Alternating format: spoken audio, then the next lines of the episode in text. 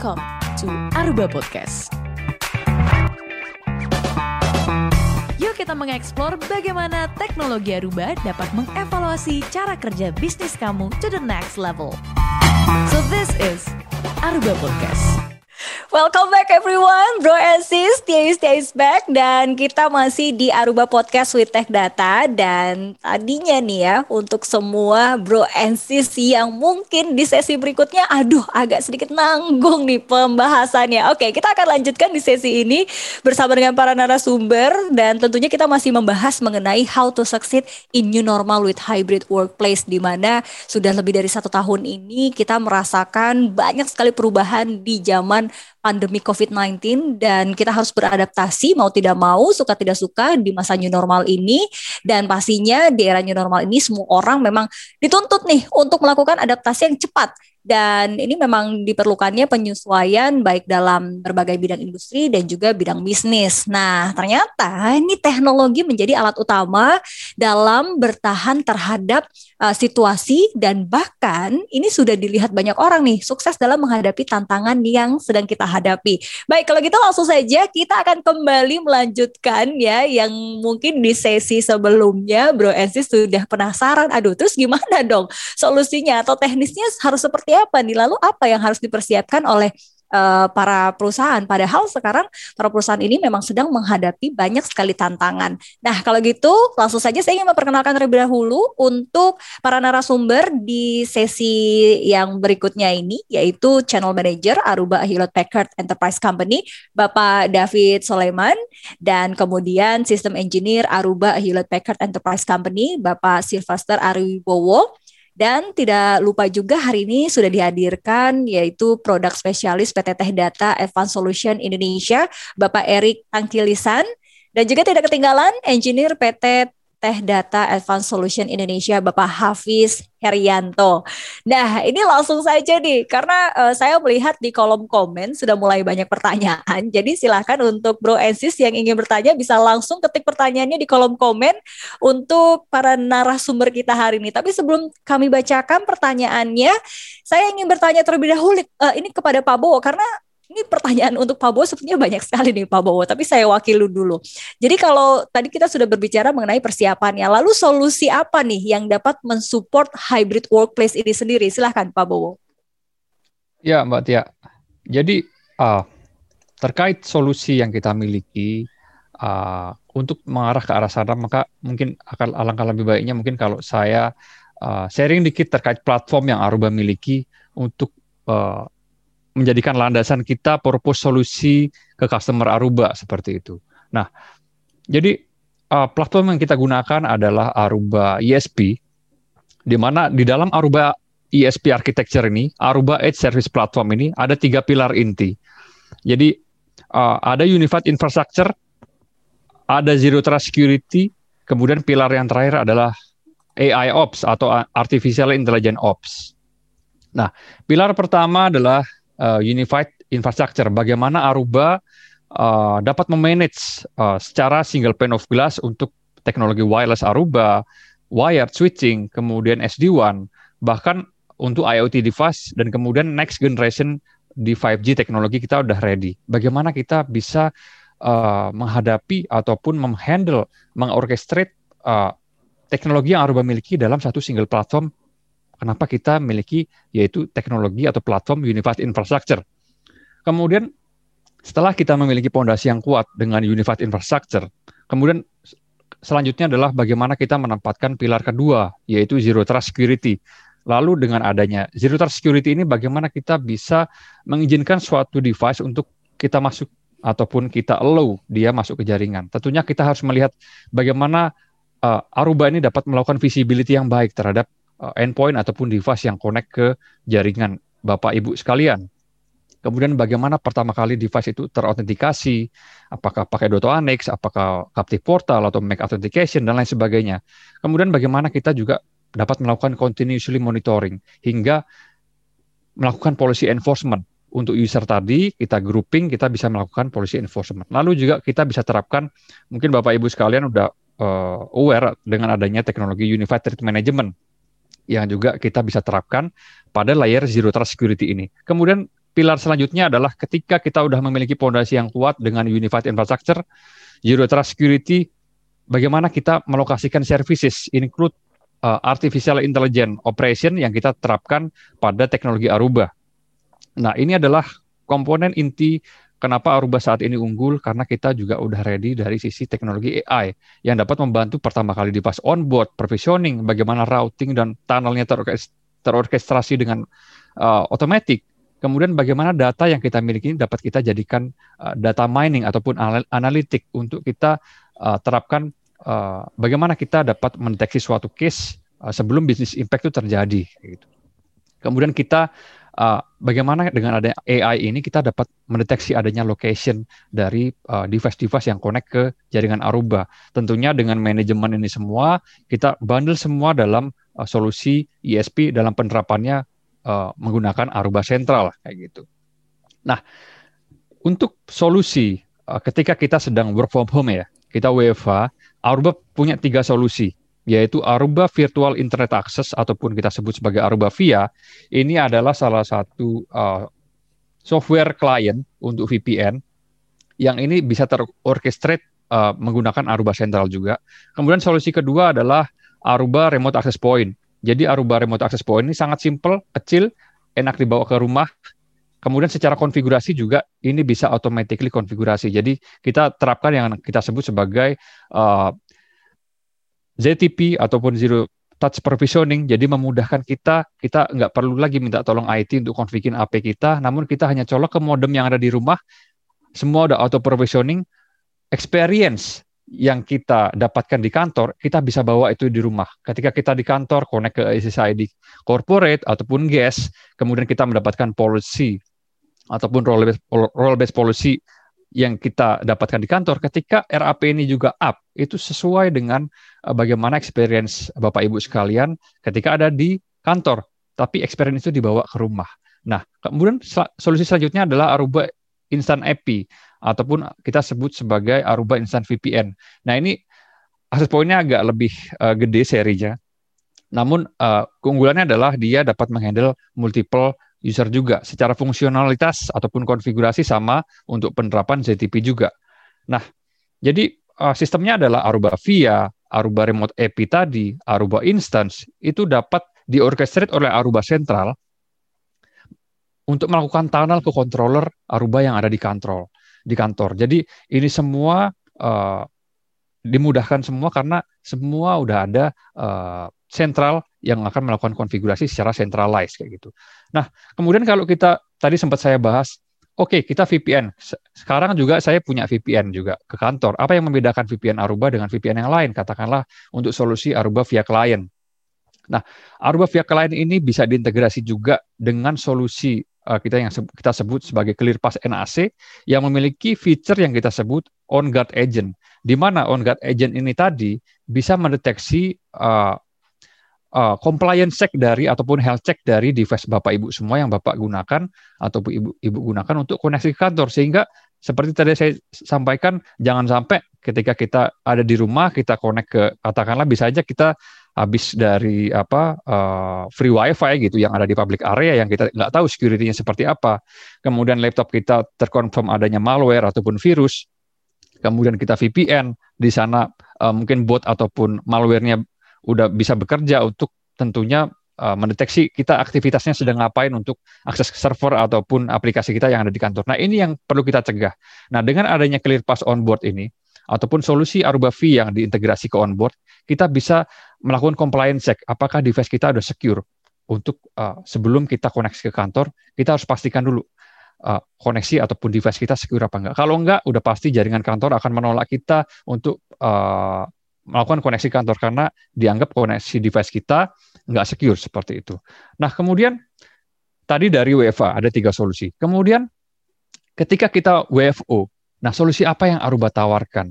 Nah Aruba dengan Aruba Workplace Insight ini bisa uh, mempergunakan akses point existing Aruba dari Bapak Ibu sekalian untuk mendeteksi lokasi dari semua device yang connect melalui akses point tadi ataupun melakukan extension melalui Bluetooth device yang Aruba miliki yaitu Aruba Tech.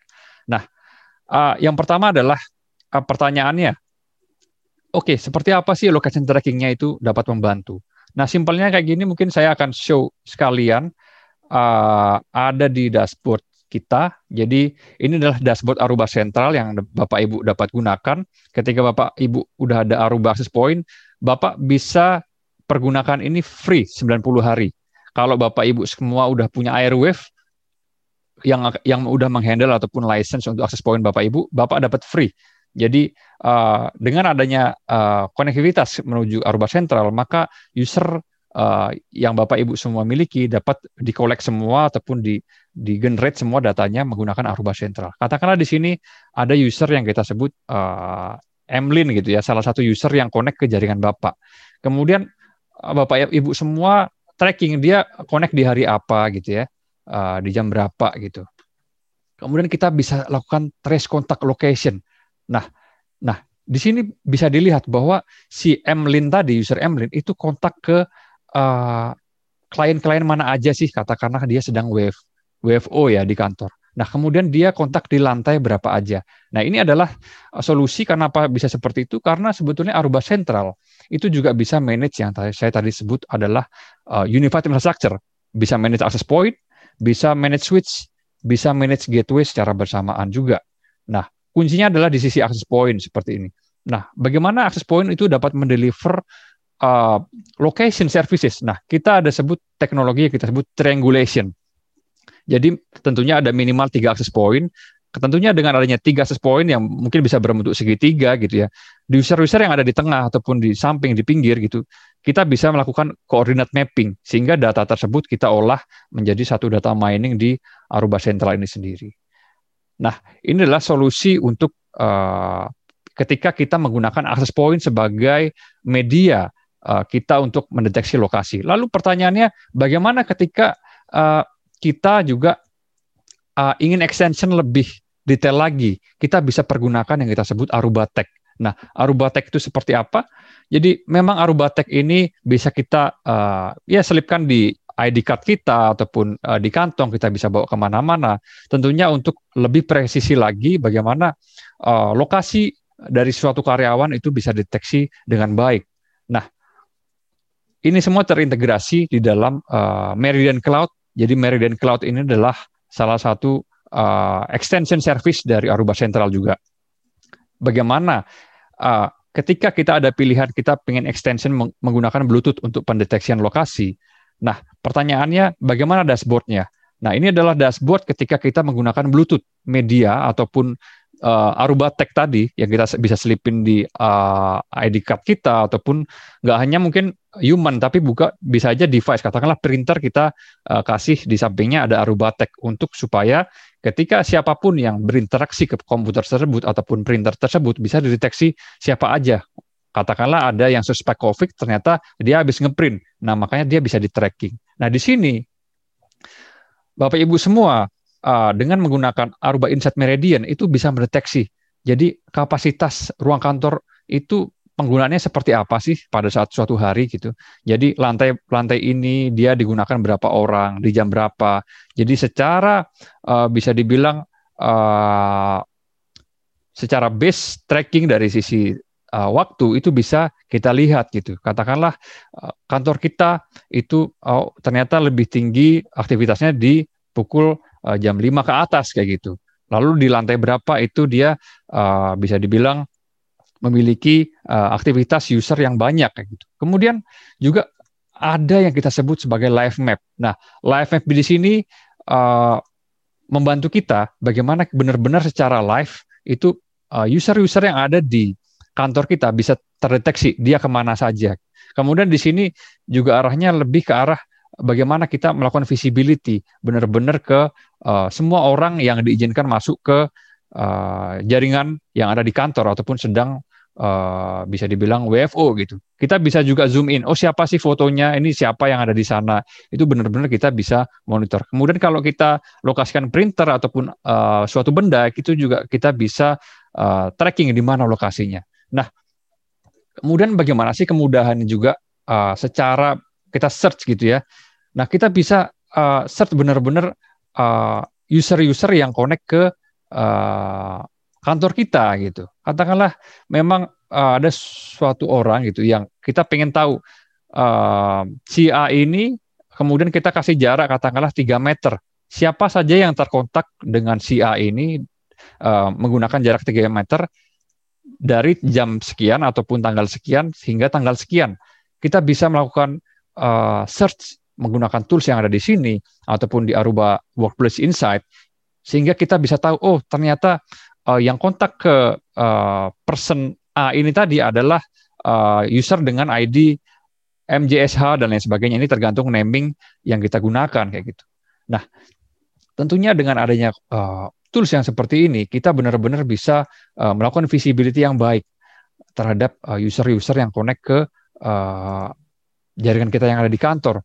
Kemudian secara visualisasi benar-benar kita dibantu banget bagaimana uh, ketika uh, kita pengen tahu di suatu hari itu uh, secara uh, radio frekuensi ataupun tracking dari user itu lebih banyak di area mana. Kemudian ketika ada suspek COVID-19 ataupun terdeteksi dia ada batuk ataupun hanya batuk biasa ataupun batuk berat gitu ya, maka cleaning service bisa dibilang dapat uh, tahu oh lokasi mana yang harus kita cleaning ataupun melakukan kita uh, sanitizer gitu sehingga kita bisa benar-benar uh, melakukan decision dari sisi kantor mana yang harus dibersihkan ataupun ketika ada yang suspek COVID uh, siapa aja yang harus kita uh, lakukan uh, WFH kayak gitu sehingga benar-benar uh, dari sisi decision itu benar-benar terarah sehingga nggak nggak perlu lagi ketika ada satu yang suspek COVID semua harus WFA semua kayak gitu. Namun benar-benar detail kita bisa uh, lakukan melalui uh, Aruba Insight Meridian yang terintegrasi dalam uh, Aruba Central sehingga uh, solusi untuk hybrid workplace ini dapat uh, kita deliver dengan baik. Mungkin gitu Mbak Tia dari saya. Pak Bowo, wah ini kalau saya dengarkan penjelasan Pak Bowo barusan, memang ini solusi yang dibutuhkan oleh para industri dan juga bisnis nih Pak. Namun e, kalau saya lihat juga ini membuat para pekerja aman dan juga produktif. Tapi Pak, ini kan karena yang membutuhkan adalah industri dan juga bisnis, pasti mereka mencari apa nih keuntungannya dalam menggunakan Aruba Edge Services platform ini. Dan produk Aruba apa nih Pak Bowo yang menggunakan platform ini? Uh, Mbak Tia, jadi uh, untuk keuntungan menggunakan Aruba ISP yang terintegrasi menggunakan Aruba Central hingga Solution Insight uh, Meridian tadi, itu tentunya kita perlu melihat juga bagaimana challenge teknologi saat ini. Tentunya Aruba melihat kenapa kita develop juga teknologi Aruba Central menggunakan platform Aruba ISP ini, karena ada teknologi silo, bagaimana uh, existing uh, saat ini itu benar-benar kita memanage perangkat switch, katakanlah access point, itu benar-benar terpisah bagaimana kita belum memiliki satu manajemen yang centralized sehingga dengan adanya kondisi pandemi ini juga kita termudahkan secara operation. Kita memiliki solusi unified infrastructure yang kita bisa manage uh, platform yang berbeda ataupun bisa dibilang walaupun dia uh, solution wireless ataupun uh, solution wired switch kita bisa bisa manage semua secara centralized termasuk SD-WAN solution juga. Kemudian challenge kedua adalah kita masih belum banyak menerapkan yang kita sebut uh, automation ataupun visibility ya. Jadi uh, sehingga arahnya penerapan AI ataupun artificial intelligence saat ini tuh belum banyak digunakan. Nah, Aruba melihat itu sehingga kita develop suatu platform di mana udah built-in machine learning dan kemudian penerapan AI di dalamnya sehingga uh, sebelum ada uh, belum bisnis impact terjadi, maka sistem kita dapat mendeteksi problem tersebut dan melakukan rekomendasi. Harus seperti apa IT ini harus dilakukan? Karena bisa dibilang nggak 100% IT ini uh, dapat memonitoring 24 kali 7 gitu ya. Mungkin dia sedang uh, apa sedang cuti ataupun liburan, maka dengan adanya AI ini ketika dia back to office ataupun dia monitoring jaringan kantor, maka dia harus tahu, dia tahu apa yang harus dilakukan menggunakan paling tidak terbantu dengan adanya AI yang membantu, dia harus ngapain ataupun improve seperti apa dengan teknologi existing ini. Kemudian juga setelah tadi teknologi silo automation kita kembangkan, bagaimana juga kita melihat security threat yang saat ini meningkat, seperti tadi juga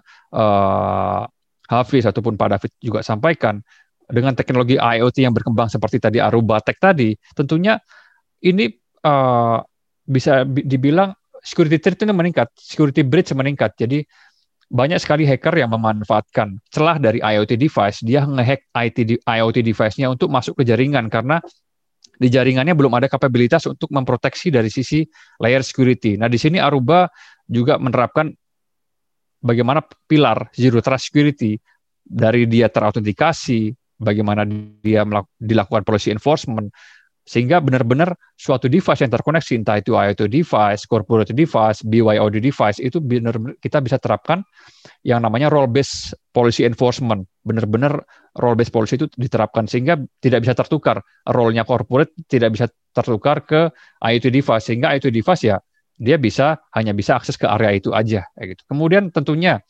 uh, dengan tentunya kondisi pandemi ini bagaimana kita melihat solusi menuju hybrid workplace tadi seperti saya sempat sampaikan. Dan kemudian solusi ini pasti kita bandel juga solusi bagaimana secara finansial yang mungkin nanti Pak David akan bantu uh, menjelaskan lebih detail lagi. Mungkin gitu Mbak Tia. Oke, okay.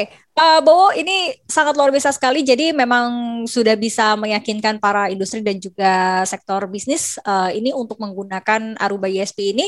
Namun sebelumnya saya ingin bertanya terlebih dahulu nih kepada Bapak Hafiz Pak Bowo. Uh, ini Pak Hafiz, bagaimana nih Pak? Mungkin para perusahaan juga ingin mengetahui langkah-langkah awal apa yang bisa membantu para perusahaan untuk bisa menganalisa existing platform yang memang sudah digunakan saat ini oleh para perusahaan maupun industri untuk bisa mengarah ke platform Aruba ISP ini nih, Pak Hafiz, silakan.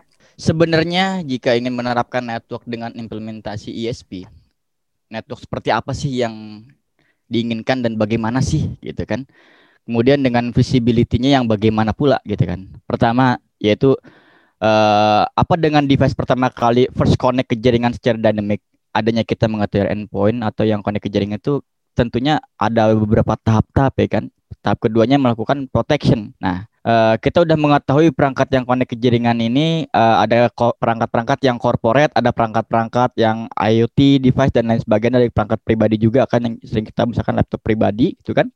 Nah, ketika ketika perangkat tersebut sudah connect dan melakukan visibility, kita bisa melihat discover. Jadi si perangkat tersebut kita bisa melihat uh, discover dan kita bisa melakukan protection uh, dengan cara zero touch security dengan adanya protection ini kita bisa melakukan authentication, authorization serta enforcement dan melakukan action.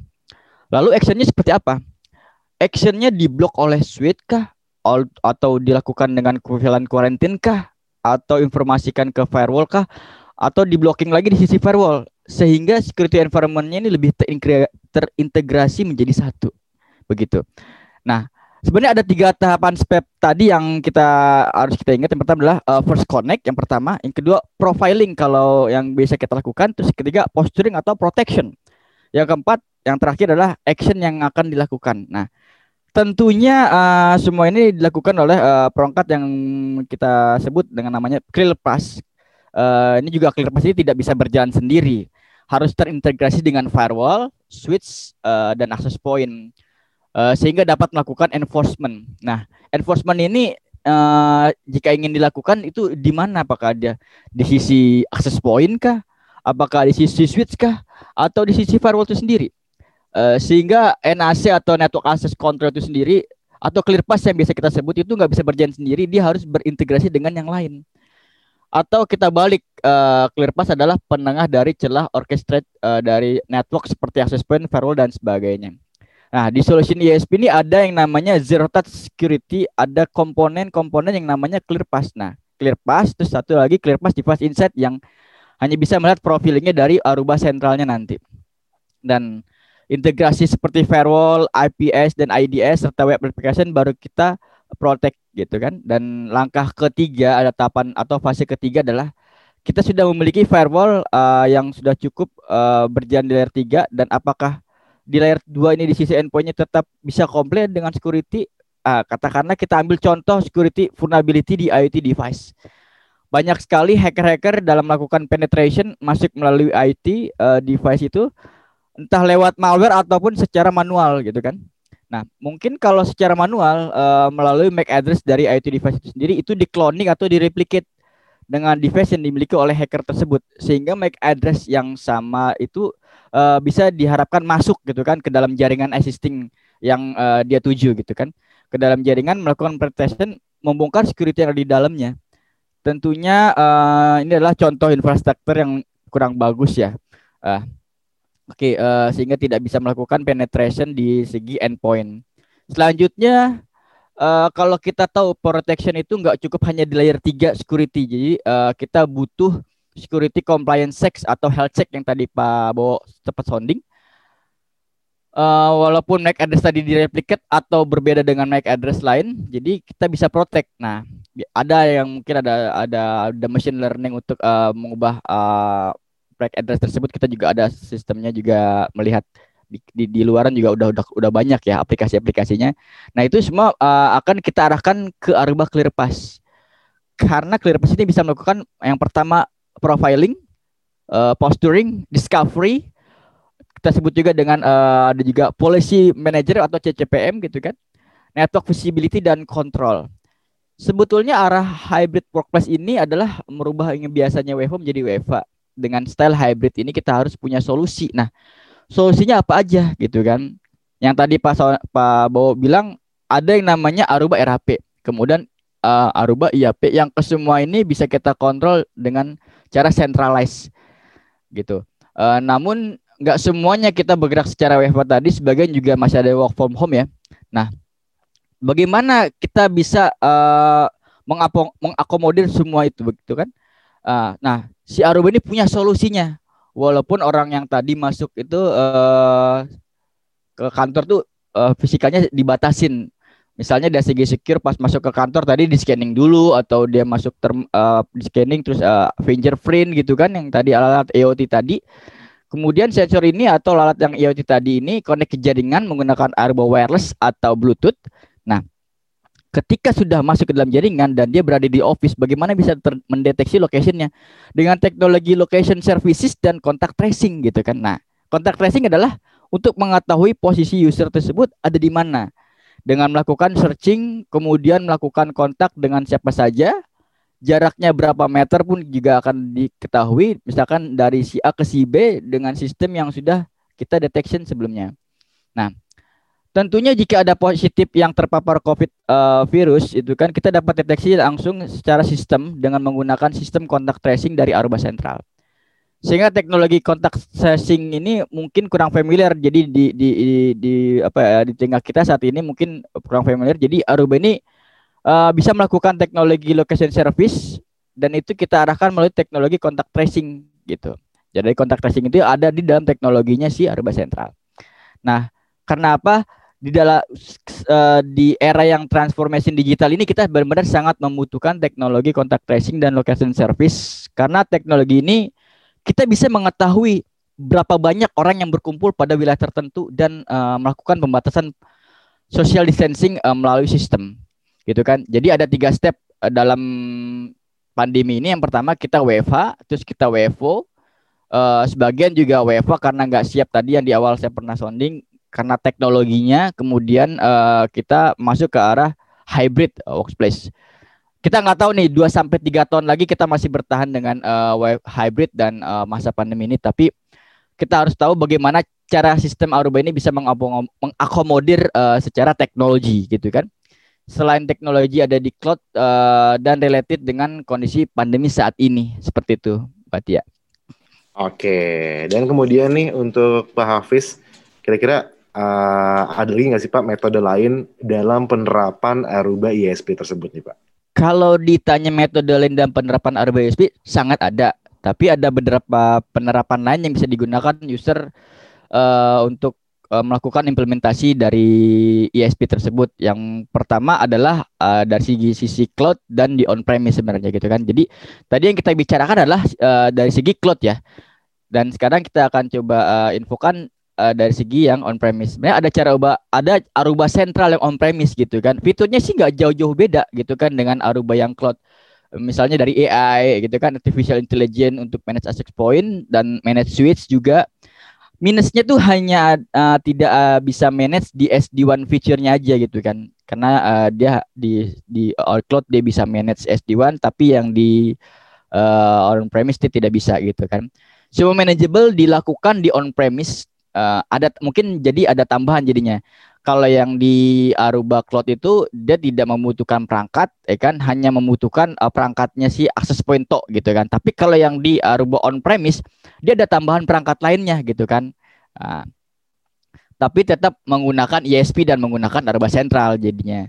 Nah, ini adalah melakukan cara terakhir gitu kan ibaratnya kalau yang tidak uh, mungkin uh, belum mengarah ke cloud lah saya pengennya on premise tetap kita punya jangan takut. Jadi Aruba punya Aruba Central yang on premise gitu kan. Ini adalah cara terakhir gitu kan.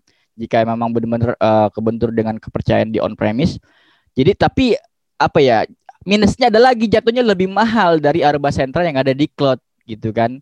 Tapi semua ini adalah uh, ter, ter uh, kembali lagi ke uh, kebutuhan user tersebut. Um, apakah dia butuh yang cloud kah? Apakah butuh yang on premise kah? Seperti itu kiranya. Oke, okay, Pak Hafiz, ini kalau tadi dijelaskan adalah untuk uh, langkah-langkah awal untuk membantu kita menganalisa existing platform. Nah, tapi ada metode lain nggak nih Pak Hafiz untuk penerapan dari Aruba ISP ini? Kalau ditanya metode lain dan penerapan RBSP sangat ada, tapi ada beberapa penerapan lain yang bisa digunakan user uh, untuk uh, melakukan implementasi dari ISP tersebut. Yang pertama adalah uh, dari segi sisi cloud dan di on premise sebenarnya gitu kan. Jadi tadi yang kita bicarakan adalah uh, dari segi cloud ya. Dan sekarang kita akan coba uh, infokan uh, dari segi yang on premise. Sebenarnya ada cara ubah, ada Aruba sentral yang on premise gitu kan. Fiturnya sih nggak jauh-jauh beda gitu kan dengan Aruba yang cloud.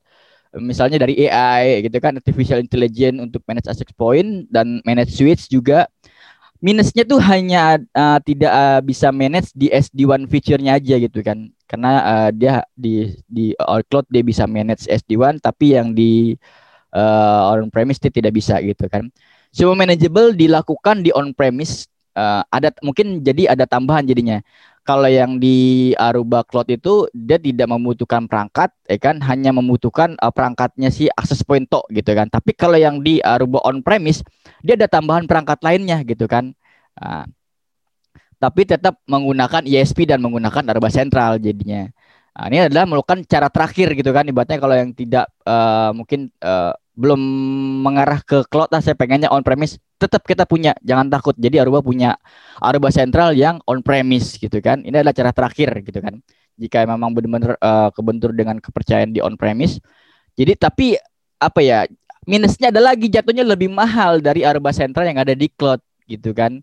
Tapi semua ini adalah uh, ter, ter uh, kembali lagi ke uh, kebutuhan user tersebut. Um, apakah dia butuh yang cloud kah? Apakah butuh yang on premise kah? Seperti itu kiranya. Oke okay. Mas Hafiz, ini penjelasannya luar biasa sekali. Jadi memang semua sudah sudah disesuaikan ya oleh Udah, jadi ada pilihan. Nggak nggak harus orang berpikirnya kena arah cloud, tapi yang promise juga akan dipertimbangkan gitu kan, gitu, Pak ya don't worry be happy pokoknya Betul. ya untuk bro bro and semuanya ya disesuaikan juga dengan industri maupun bisnis Anda. Terima kasih Mas Hafiz. Nah, sekarang saya mau Uh, kembali ke Bapak David Sulaiman. Nah, nih Pak David, ini saya sudah mulai um, agak sedikit mencurahkan aspirasi dan juga uh, teman-teman IT nih ya. Kadang nih Pak, apalagi di masa pandemik ini untuk mengajukan sebuah solusi baru nih agak-agak susah-susah sedap nih Pak. nah, mungkin um, bisa dijelaskan nih supaya bisa lebih meyakinkan lagi para perusahaan untuk bisa menggunakan solusi tersebut.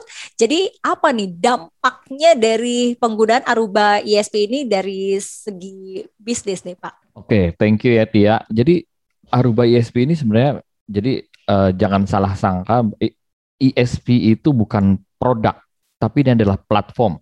Platform itu artinya apa? Adalah konsep yang dimiliki oleh Aruba. Jadi tadi seperti dibilang sama uh, teman saya Pak Bowo, ada tiga pilar kan. Yang pertama connect, unify network operation. Nah, ini pengaruhnya ke bisnis apa? Nah, dengan unify artinya uh, contoh lah ya, uh, access point Aruba itu mau yang tipe besar sampai kecil tuh semua sama cara ngoperasinya gampang. Berarti dari company juga nggak punya nggak perlu punya orang khusus yang bisa mengoperasikan yang tipe besar terus orang khusus lagi yang tipe kecil. Gak perlu, karena semua sama. Kemudian ada switch, ada SD1, dan ada uh, uh, ya switch SD1 uh, sama uh, access point tadi. Nah ini semua bisa di manage secara sentral. Nama aplikasinya juga sentral. Nah jadi kalau kita punya uh, bisnis di tempat-tempat yang berbeda, misalnya ada di Jakarta, Surabaya, bahkan Jayapura atau mana, selama bisa connect ke internet, itu manage-nya bisa dari satu tempat aja. Atau dua tempat lah, satu lagi buat uh, redundancy gitu ya. Jadi nggak perlu taruh setiap orang yang benar-benar ahli IT di masing-masing company. Kita bisa manage dari pusat karena unify tadi. Terus kedua, masalah security. Security itu penting loh, terutama di networking, di jaringan. karena kerugian karena security itu banyak. Nah, di Aruba, ya di pilar keduanya ISP tadi adalah security.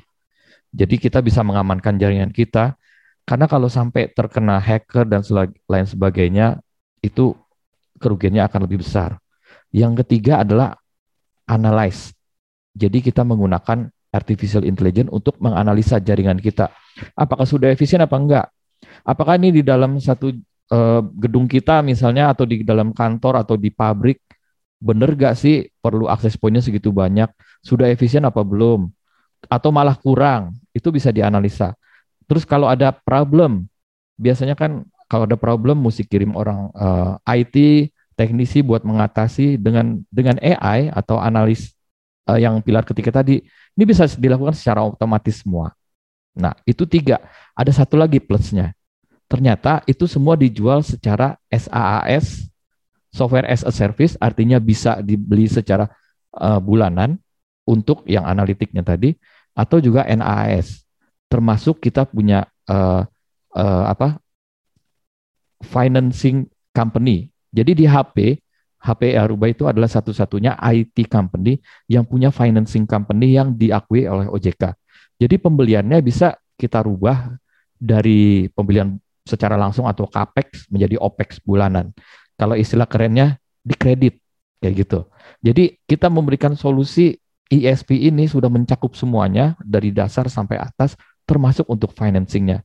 Semuanya pilihan ada di tangan customer, mau dipakai semua atau sebagian-sebagian itu bisa dilakukan semua. Seperti itu Tia. Wah, Pak David, ini memang Aruba ini sudah membaca ya apa yang memang dihadapi oleh para industri dan juga tim IT itu sendiri. Nah, jadi kalau saya perhatikan ini solusi dari Aruba ini sangat menarik sekali ya. Jadi uh, solusi yang ditawarkan oleh Aruba ISP ini tidak hanya inovatif tapi juga aman tadi sudah dijelaskan dan juga terintegrasi apalagi tadi secara remote jadi lebih efisien ya Pak David dan ini memberikan sudah jelas memberikan dampak yang baik untuk bisnis Anda. Nah, ini adalah solusi IT yang komplit untuk berbagai industri dan juga untuk Anda para remote worker pastinya ini lebih efisien lagi dalam uh, bekerja dan juga lebih produktif. Pak David, terima kasih banyak atas penjelasannya Pak David. Oke, okay, nah, ya. Selanjutnya saya ingin bertanya kepada produk spesialis kita nih. Nah, kalau di sesi sebelumnya Pak Erik sudah sempat menjelaskan bahwa dalam sebuah pemilihan solusi itu tidak hanya uh, solusinya yang baik, tapi juga harus diperhatikan uh, after sale service-nya yaitu waranti lalu juga apakah dia uh, support di seluruh Indonesia atau uh, tadi untuk coverage ataupun after sale service-nya memang sangat diperhatikan. Nah, kalau dari Aruba sendiri ini bagaimana nih dari sisi Pak Erik sendiri? Oke, uh, untuk hal-hal yang tadi sebelumnya di sesi pertama sudah saya uh, mention untuk coba di-consider oleh para pelaku bisnis, Uh, dari sisi warranty sendiri, Aruba memiliki yang namanya uh, lifetime warranty. Nah, wow. Nah, lifetime warranty ini sangat menarik sekali. Uh, untuk lebih lengkapnya sih namanya limited lifetime warranty. Wow. Limited lifetime warranty itu apa? Uh, lifetime warranty dengan hmm? beberapa syarat dan ketentuan tentunya. Syarat ketentuannya apa? Uh, salah satunya adalah harus dimiliki oleh uh, user atau perusahaan atau pelaku bisnis yang sama misalkan dibeli oleh perusahaan A, ya harus tetap di perusahaan A selama warranty itu berlaku, tidak untuk diperjualbelikan ke perusahaan lainnya tentunya. Jadi seperti itu. Dan ada beberapa syarat ketentuan lainnya, tapi uh, overall uh, Aruba produk memiliki lifetime warranty terutama untuk hardware, switch dan access point dan juga softwarenya tentunya. Dan itu dari sisi warranty. Nah, sekarang udah makin menarik. Aruba memiliki lifetime warranty. Uh, kita rasa uh, sangat jarang ya produk elektronik ataupun IT ataupun teknologi yang memiliki lifetime warranty tentunya. Uh, handphone kita aja enggak mungkin ya, laptop Hmm. kita pun tidak. Betul. Iya kan?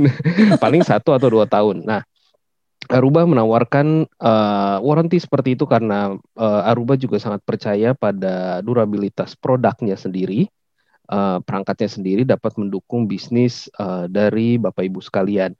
Nah, poin yang kedua tadi adalah support, ya dukungan dari Aruba sendiri ini uh, sangat kuat. Kita di Aruba itu memiliki berbagai jenis uh, SLA (Service Level Agreement). Jadi mulai dari yang next business day uh, ada juga yang respons lebih cepat sampai dengan empat jam. Wow. Jadi dari masalah timbul Hmm. eh, empat jam akan direspons dan ada solusi dari tim eh, expert dari Aruba sendiri. Gitu. Jadi kadang-kadang orang bertanya, oh empat jam kalau misalkan perusahaan saya FSI yang running eh, 24 jam, eh, servernya harus berjalan 24 jam, jaringannya harus kuat selama 24 jam, bagaimana? Nah, Aruba memiliki tim eh, support yang tersebar di seluruh bukan seluruh Indonesia saja tapi seluruh dunia. Dan yang merespon itu bukan hanya dari uh, Indonesia. Jadi uh, jangan kaget kadang-kadang ada user ada customer yang bilang oh saya ditelepon orang India.